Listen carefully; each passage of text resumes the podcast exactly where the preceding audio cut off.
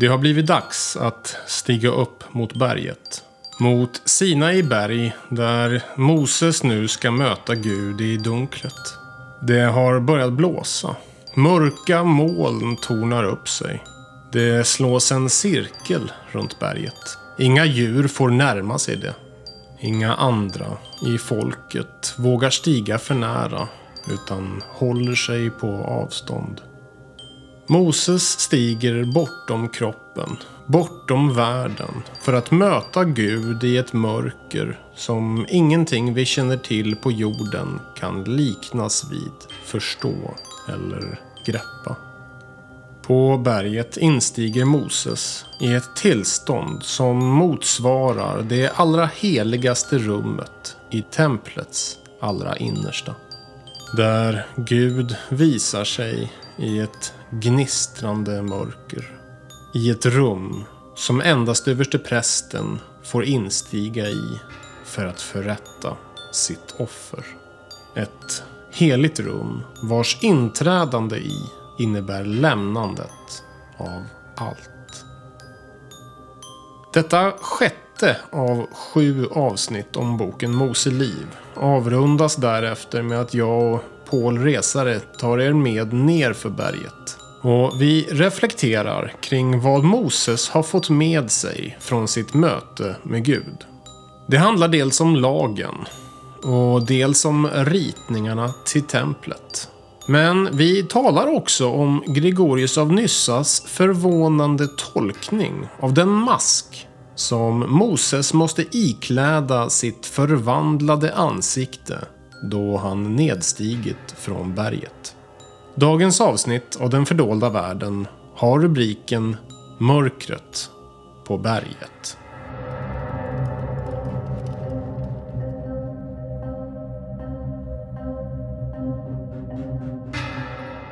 Ja, då har vi kommit fram till berget.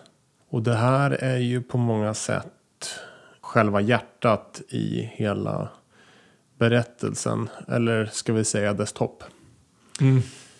Ja, egentligen är det en del vi eh, hoppar över eller inte lägger lika mycket uppmärksamhet vid som Gregorius gör. Men eh, när vi skippar nästan från eh, flykten genom Röda havet och sen ut i en vildmark och massa små äventyr de är med om där. För att sen eh, komma till ett berg. Och dit eh, uppstiger Moses ett antal gånger och får stora uppenbarelser. Och eh, de här uppstigandena till berg ägnar Gregorius och Nyssa väldigt mycket uppmärksamhet åt och gör väldigt mycket av.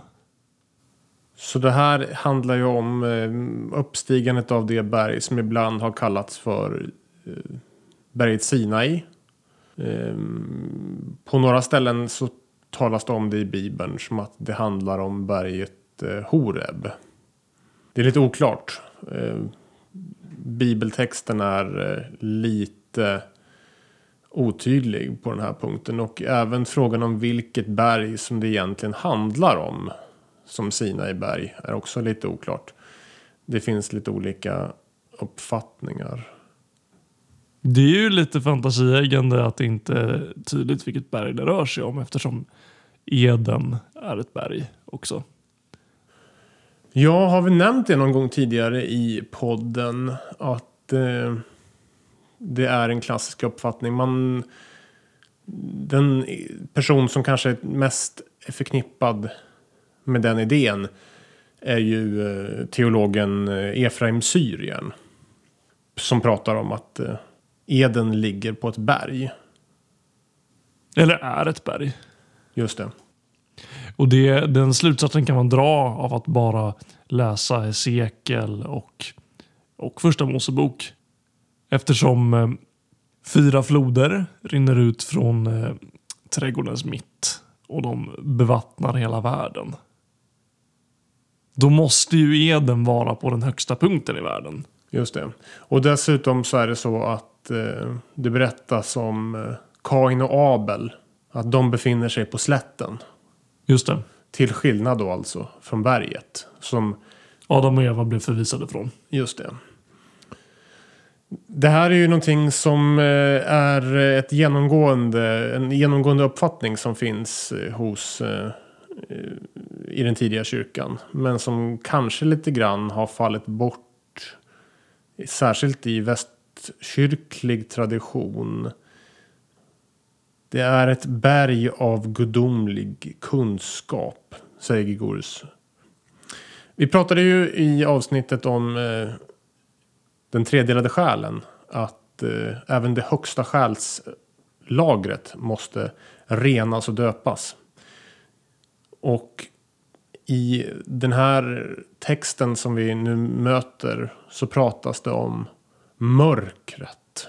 Vad, vad handlar det här om? Vad, vad vill Gregorius av Nyssa säga till oss när han påpekar att eh, Mose går upp på berget och möter Gud i ett mörker? Vad handlar det här om? Ja, man kan ju säga att det finns lite olika typer av Guds upplevelser och starka gudserfarenheter.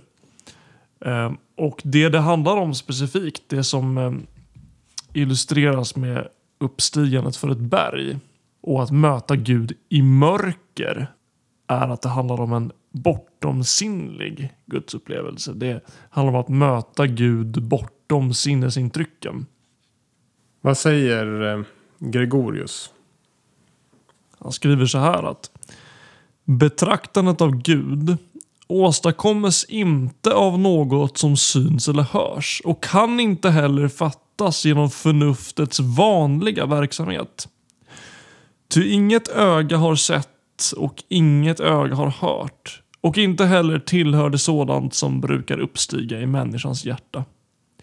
Istället måste den som vill nå fram till kunskapen om de höga tingen rena sig från alla sinnliga och oförnuftiga impulser. Eller kanske snarare anoetiska kan vi säga.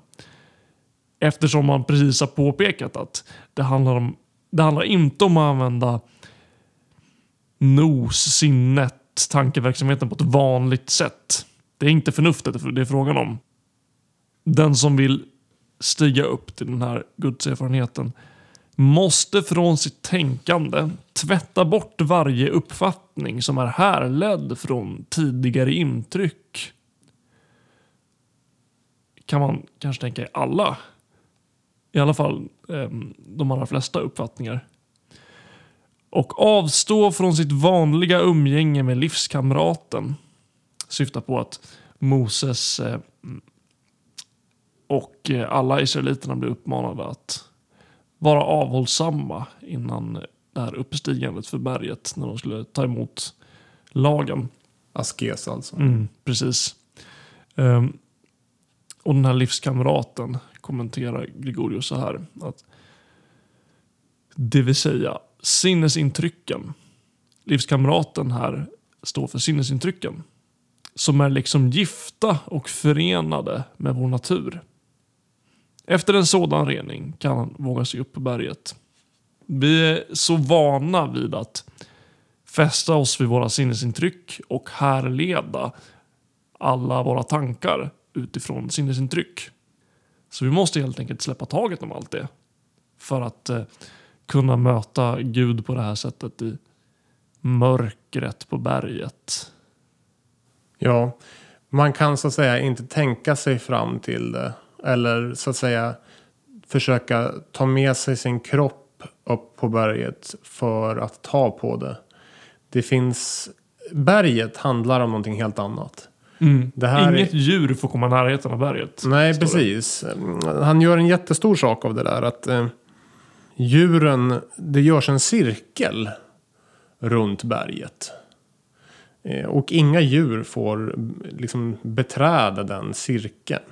Så att eh, det här handlar om uppstigande till en aspekt utav vårt väsen som måste vara skilt från de lägre aspekterna. Man kan dra sig till minnes att när Moses skulle träda fram till den brinnande busken var han först tvungen att ta av sig sandalerna och det lägger Gregorius ut som skinnklädnaden som vi blev påklädda vid fallet och som har att göra med våra djuriska impulser. De djuriska delarna av människan måste här släppas taget om. Det är inte med kroppen vi går upp på berget. Precis. Berget finns inom oss, säger han. Och eh, våra tankar når det inte. Det är inte någonting som kan liknas vid någonting. Det har inga representationer i vår eh, tillvaro. Det är ett osynligt mörker också, säger han. Och så pratar han om att eh, även så att säga våra frommaste tankar om Gud, även liksom våra allra mest eh, goda tankar om Gud är just tankar om Gud och därmed avgudabilder om man tror sig kunna använda dem på något sätt när man stiger upp på berget. Allting måste lämnas bakom för att nå fram till berget. För att våga sig upp på berget, säger Precis. han. Det står faktiskt så här att eh, när han går in i mörkret den andra gången så är han där i 40 dagar. Och det står att han är bortom kroppen. Bortom kroppen i 40 dagar. Så det här är inte någon upplevelse som man har i kroppen. utan det här, och det är inte någon upplevelse man har i tankarna. Utan det här är en helt annan typ av upplevelse. Jag tänkte att eh, jag skulle ta och läsa ett ställe där eh, Gregorius talar om det här.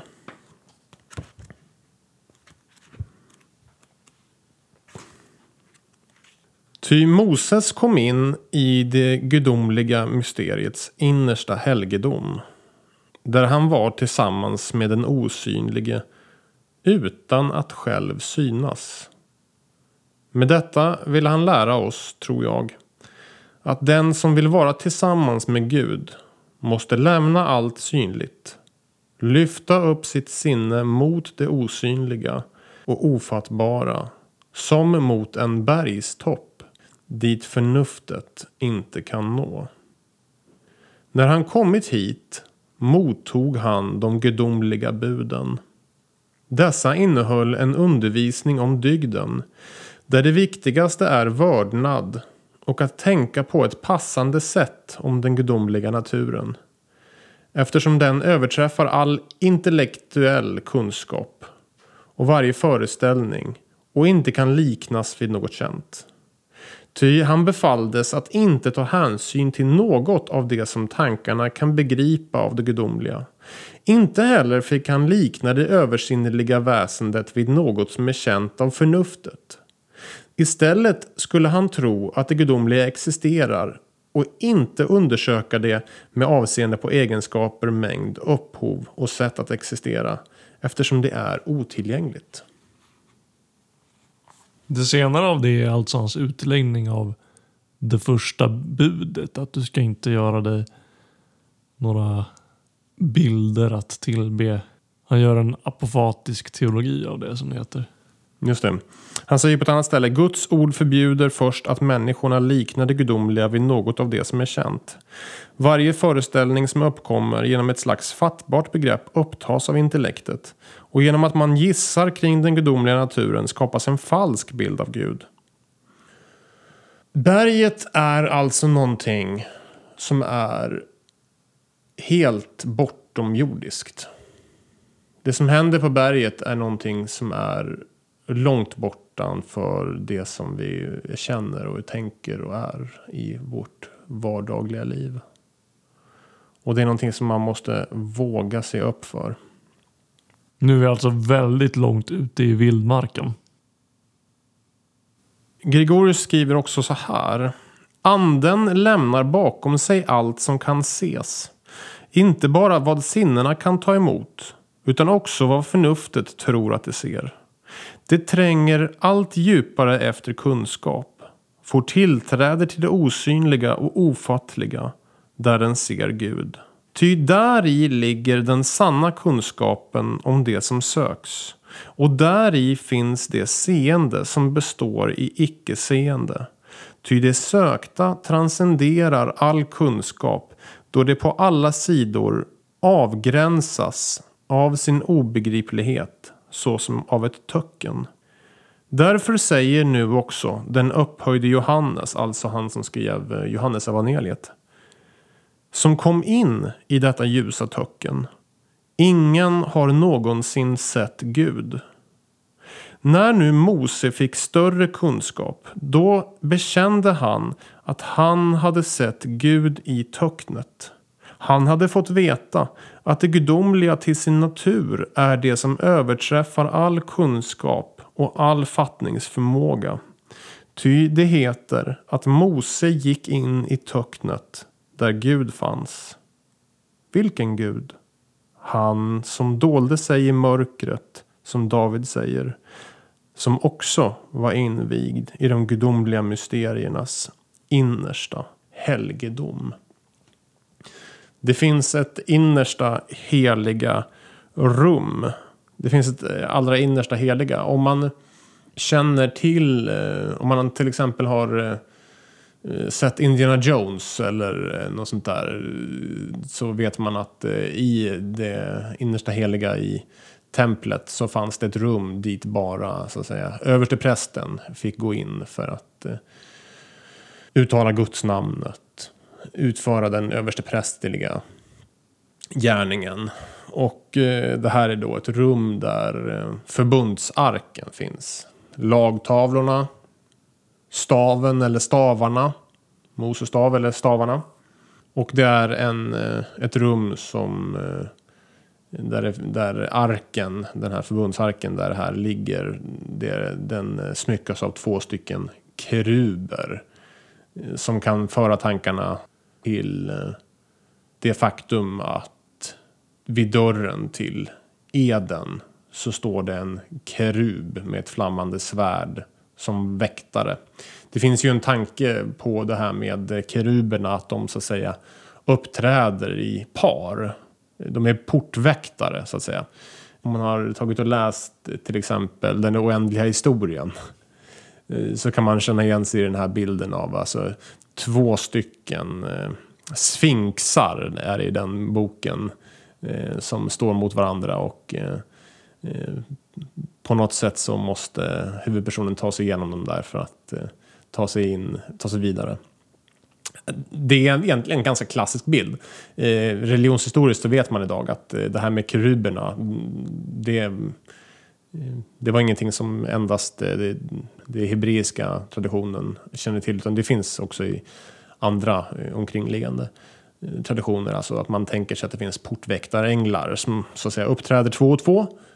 Och de kan ofta vara ganska lika just sådana här sfinxaktiga väsen. Men det finns alltså det här innersta heliga rummet. Och jag tänkte ta och läsa vad som står där. Om det innersta heliga. Sanningen om verkligheten är i sanning något heligt. Något högheligt. Det är ofattbart och otillgängligt för mängden. Den har sin plats i den hemliga boningens innersta och förbjudna helgedom. Därför får man inte vara beskäftig när det gäller de ting som övergår förståndet. Man måste tro på det man söker. Att det inte ligger öppet för allas ögon. Utan förblir i nos innersta och förbjudna helgedom. Det finns i nos innersta och förbjudna helgedom. Och det är otillgängligt för mängden. Vi har tidigare sett hur eh, Nyssa gör en distinktion här mellan eh, det ena och mängden. Mängden finns nedanför berget och det ena finns på bergets topp. Han säger att på toppen av berget så finns det innersta heliga. Tabernaklets eller templets centrum. Det heligaste rummet. Som finns i varje människa. Och som är Nos helgedom, vårt innersta rum. Och där finns ingen mängd. Utan där är allting endast ett.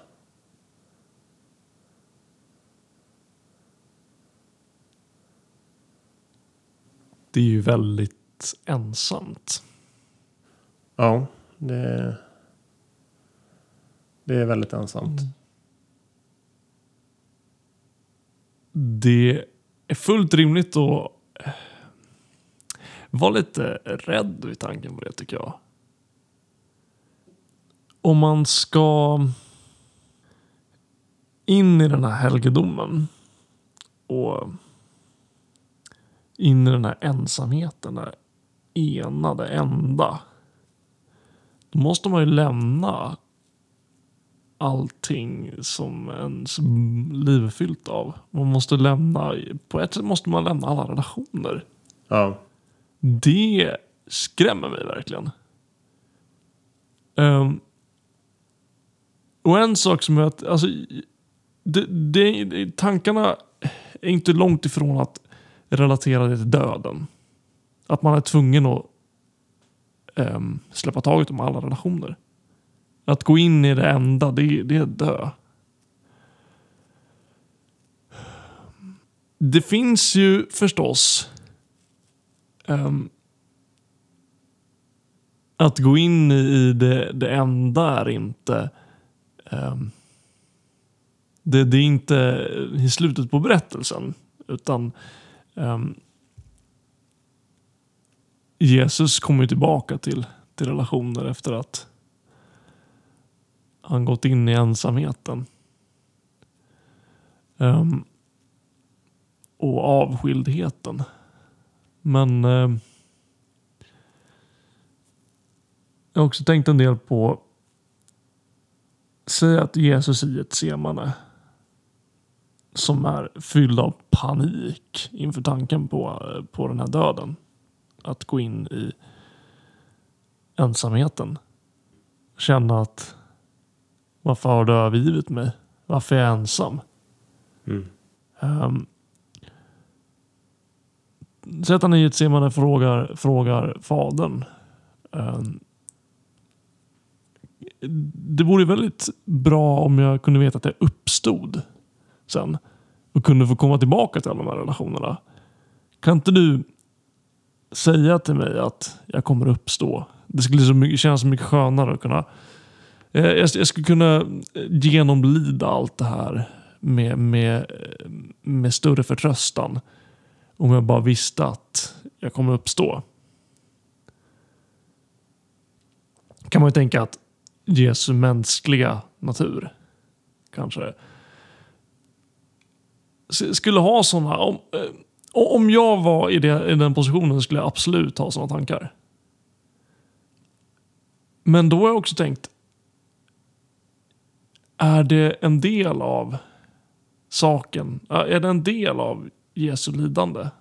Är det en del av den här att gå in i det fullständiga mysteriet? Att fadern säger inte det kommer uppstå. Det, det kan du vara trygg med. Utan fadern säger ingenting. Det är tyst. Det är tyst. Jag tänker att det är kanske därför som Jesus gråter blod. Det är... ehm, Den prästerliga gärningen blir ju att offra sig själv. ja. Och, Och, inte att förvänta sig någonting tillbaka. precis. Det går liksom inte att, så att säga, eh, ingen kan ju offra sig själv om man samtidigt säger så här, men det är ju lugnt för jag, snart får jag ju mig själv tillbaka. Om Jesus vet att Jesus ska uppstå, då är inte offret lika stort. Det står i ett texten Jesus, det Jesus säger innehåller en fråga. Hur menar du? Nej men Jesus vet inte. Ah. Om det är möjligt. Om, Om det är möjligt. Ja, Jesus vet inte. Jesus, Jesus har ingen koll. Just det. Han är eh, helt utlämnad och vet inte hur det hela ska sluta. Och då kanske någon säger, men Jesus är ju Gud. Han vet ju. Ja, precis. Men- han, men han, det- han, har också för, han har också förutsagt att han så att säga kommer att uppstå.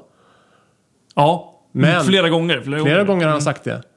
Men det finns såklart någon del av honom som kan säga så här.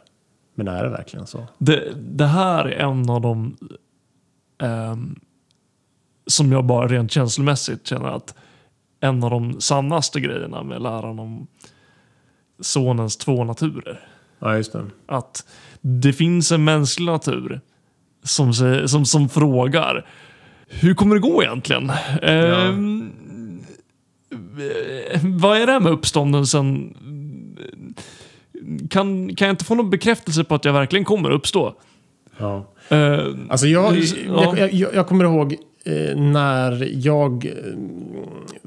Från när jag först tog och eh, började det här verkligen instigandet i bergets mysterium. Så kommer jag ihåg att jag vid ett tillfälle befann mig i ett... Eh, det jag insåg på något sätt. Jag kommer nu ta ett steg. Och jag måste ta det här steget utan att förvänta mig att jag sen kommer att leva eller ens finnas till. För det är det enda sättet att ta det här steget. Om jag inte tar det här steget nu. Vad är då någonting värt? Nu har jag möjligheten att göra det här. Just i den här stunden så kan jag liksom göra det här. Jag formulerade det inte på det här sättet. Men det här var liksom den grundkänslan som jag hade. Å ena sidan den totala paniken och rädslan inför att stiga in i det här innersta heliga. Å andra sidan insikten om att nu står du inför porten. Allting annat är meningslöst utanför om du inte stiger in nu. För nu är du vid dörren den här grejen, den här skräcken har manifesterat sig ehm, för mig på flera olika sätt. Och jag kan känna igen den frågan och känna igen att jag har sagt nja Ja. och fegat ur. En dröm jag hade för ett tag sedan eh, gjorde den här grejen kan man säga. Jag drömde att jag var i ett rum som eh, när jag bett om upplysning från Gud började det svämmas över. Och då tänkte jag intressant. Ända tills jag såg att det var hajar i vattnet Just det. som skulle äta upp mig. När jag insåg det så fick jag panik och eh, väckte mig själv. Jag ville inte vara i den där situationen. Nej, det där är dopet. Det är precis det där. Det var ett sånt här, tänk om det inte var bättre i Egypten där va. Det är bättre att sticka tillbaka. Mm. Och jag kommer ihåg tanken, tänk om jag aldrig får den här chansen igen. Alltså, eh, det är den känslan i alla fall. Ja, Ja. Det är ju också en skräck. ja precis det.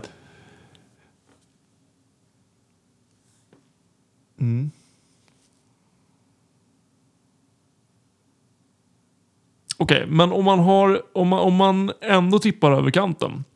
Om man, eh, om man vågar. Och sen kommer ner. Då finns det andra prövningar. När man har stigit ner och har tagit med sig lagen eller ritningen till tabernaklet.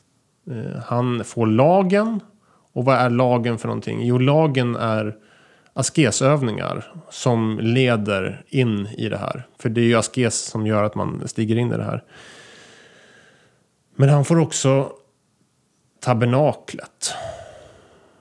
Eh, en sorts prototempel som eh, det judiska folket eh, uppreser ute i vildmarken. Ett sorts mobilt tempel. Ett eh, tempel som kan eh, så att säga förflyttas och eh, sättas upp. gjort med olika tältdukar. Men det är till slut ett tempel som ska byggas i Jerusalem. Och ytterst så är det ett tempel, skriver Gregorius av Nyssa, som finns i varje kristen med hänvisning då till Paulus ord om att vet ni inte att eh, ni är tempel för den heliga ande. Så i varje kristen, eller snarare inte bara i varje kristen, utan varje kristen är ett tempel. Och det här är det som så att säga han inser mysteriet kring templet. Och eh, templet det är ju någonting som eh, Eh, i sig själv bär på väldigt många olika saker. En sak som jag tänker på är att tabernaklet i mörkret är en enorm paradox. Eftersom han har gått bortom sinnena. Och här får han se någonting som ska manifesteras, som Gud vill ska manifesteras i det sinnliga. Han får liksom se, det här ska du göra på jorden.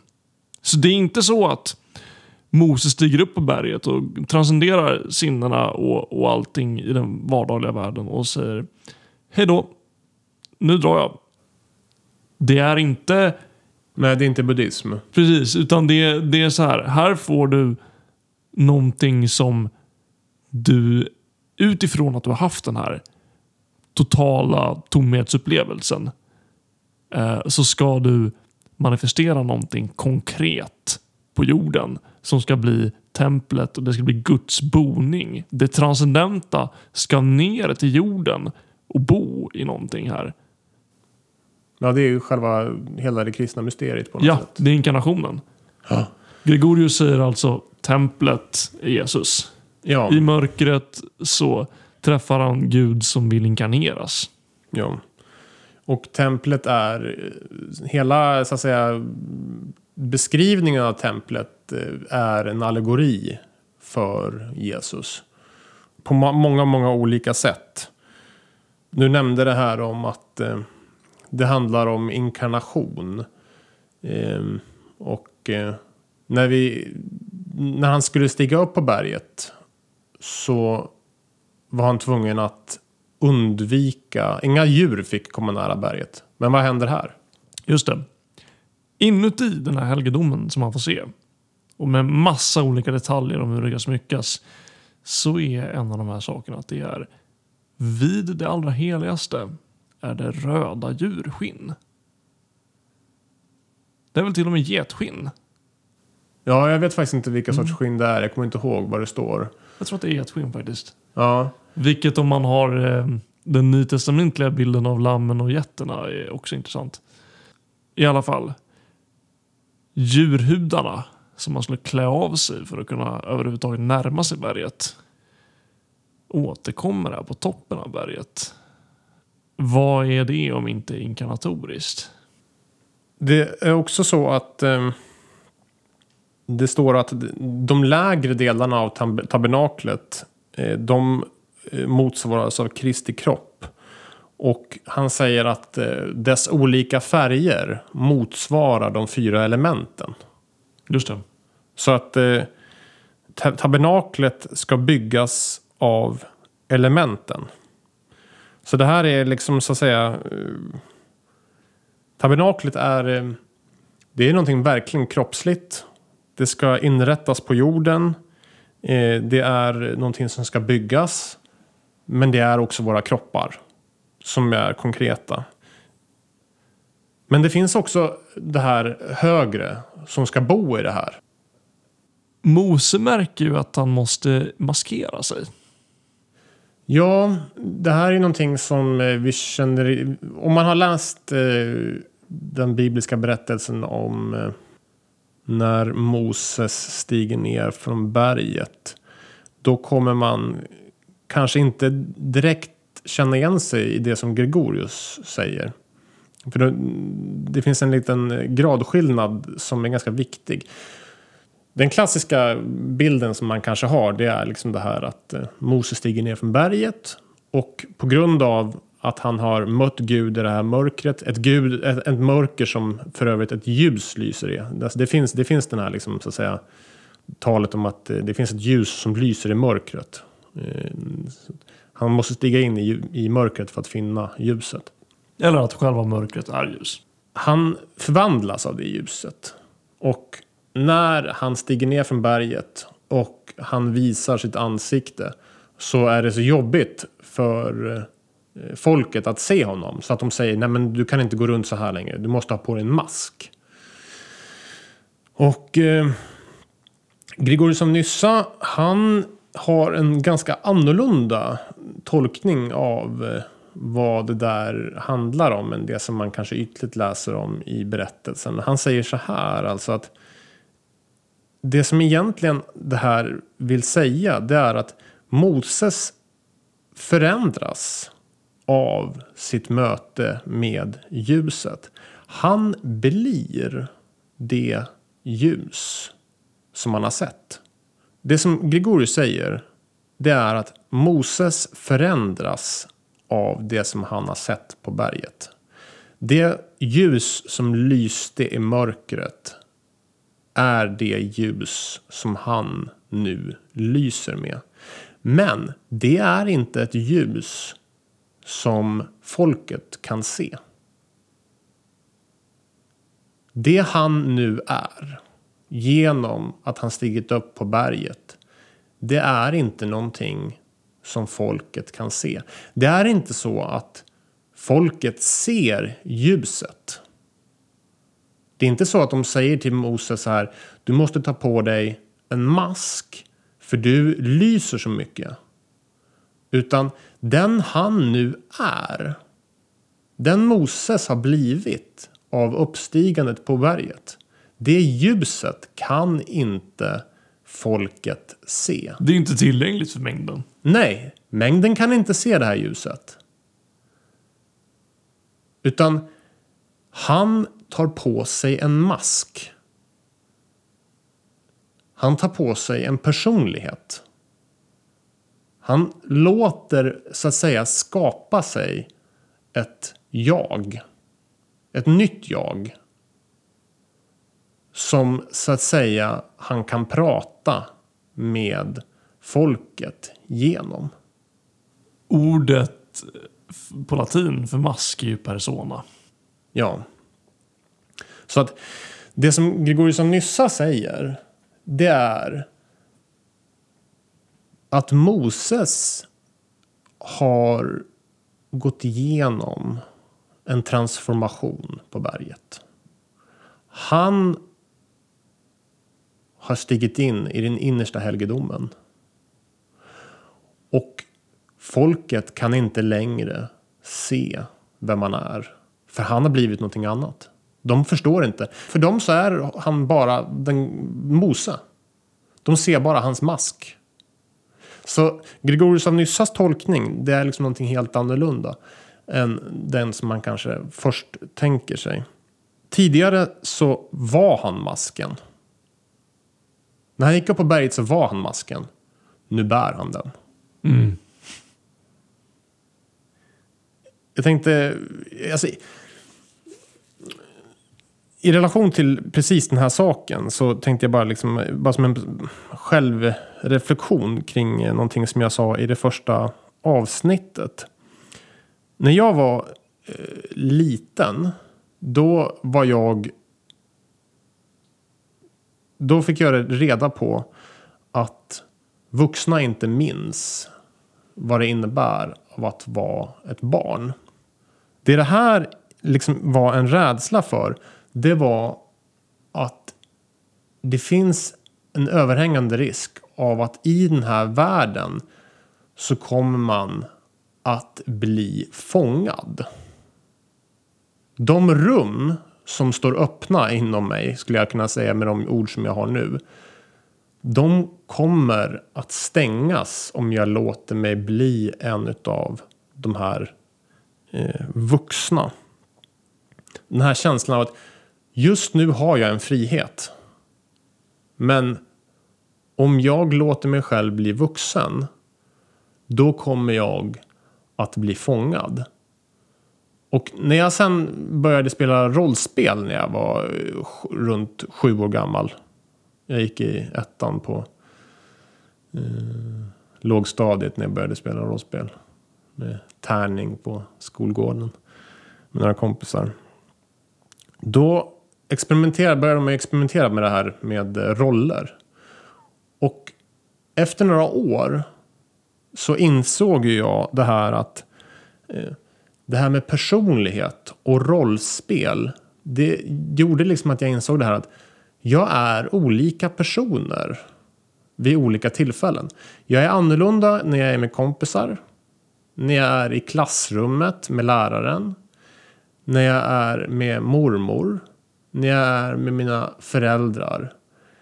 Och jag är faktiskt lite annorlunda när jag är med en kompis som jag bara träffar på somrarna för han bor på ett annat ställe. För att vi bär på en relation som har en lite annorlunda vinkel. Så att jag insåg att eh, det här med person, det är någonting som flyter. Mm. Och då insåg jag den här grejen att det som så att säga vuxna gör, det är att de för att fungera optimalt i den här världen så tar de och låter sig själva sy en personlighet som de helt och hållet går in i. För att den är optim blir optimerad för att hantera den här tillvaron. Och de blir ett med den här personligheten.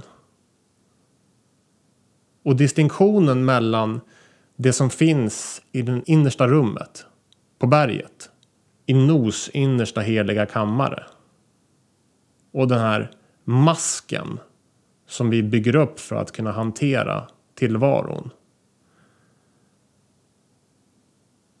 Den blir så stor att till slut så glömmer man bort att det ens fanns ett berg. Att det ens fanns en annan värld. Den öppenhet man har som barn att förstå att tillvaron är större. Den stängs bit för bit. Och det var min rädsla. Att se hur dörrarna till mysteriet stängs.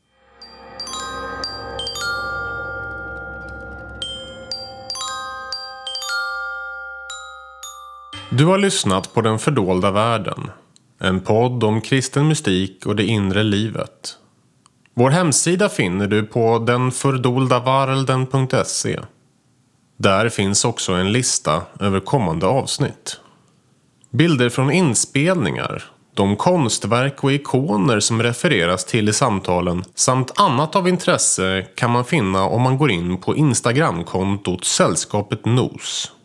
Om du uppskattar poddens innehåll skulle vi vilja be dig att prenumerera på podden och ge den en positiv recension i ditt podcastprogram. Det hjälper oss att nå ut till fler, så vi är mycket tacksamma om du gör det. Om du vill vara med och fortsätta samtalet är du varmt välkommen till vår Facebookgrupp. Den fördolda världen.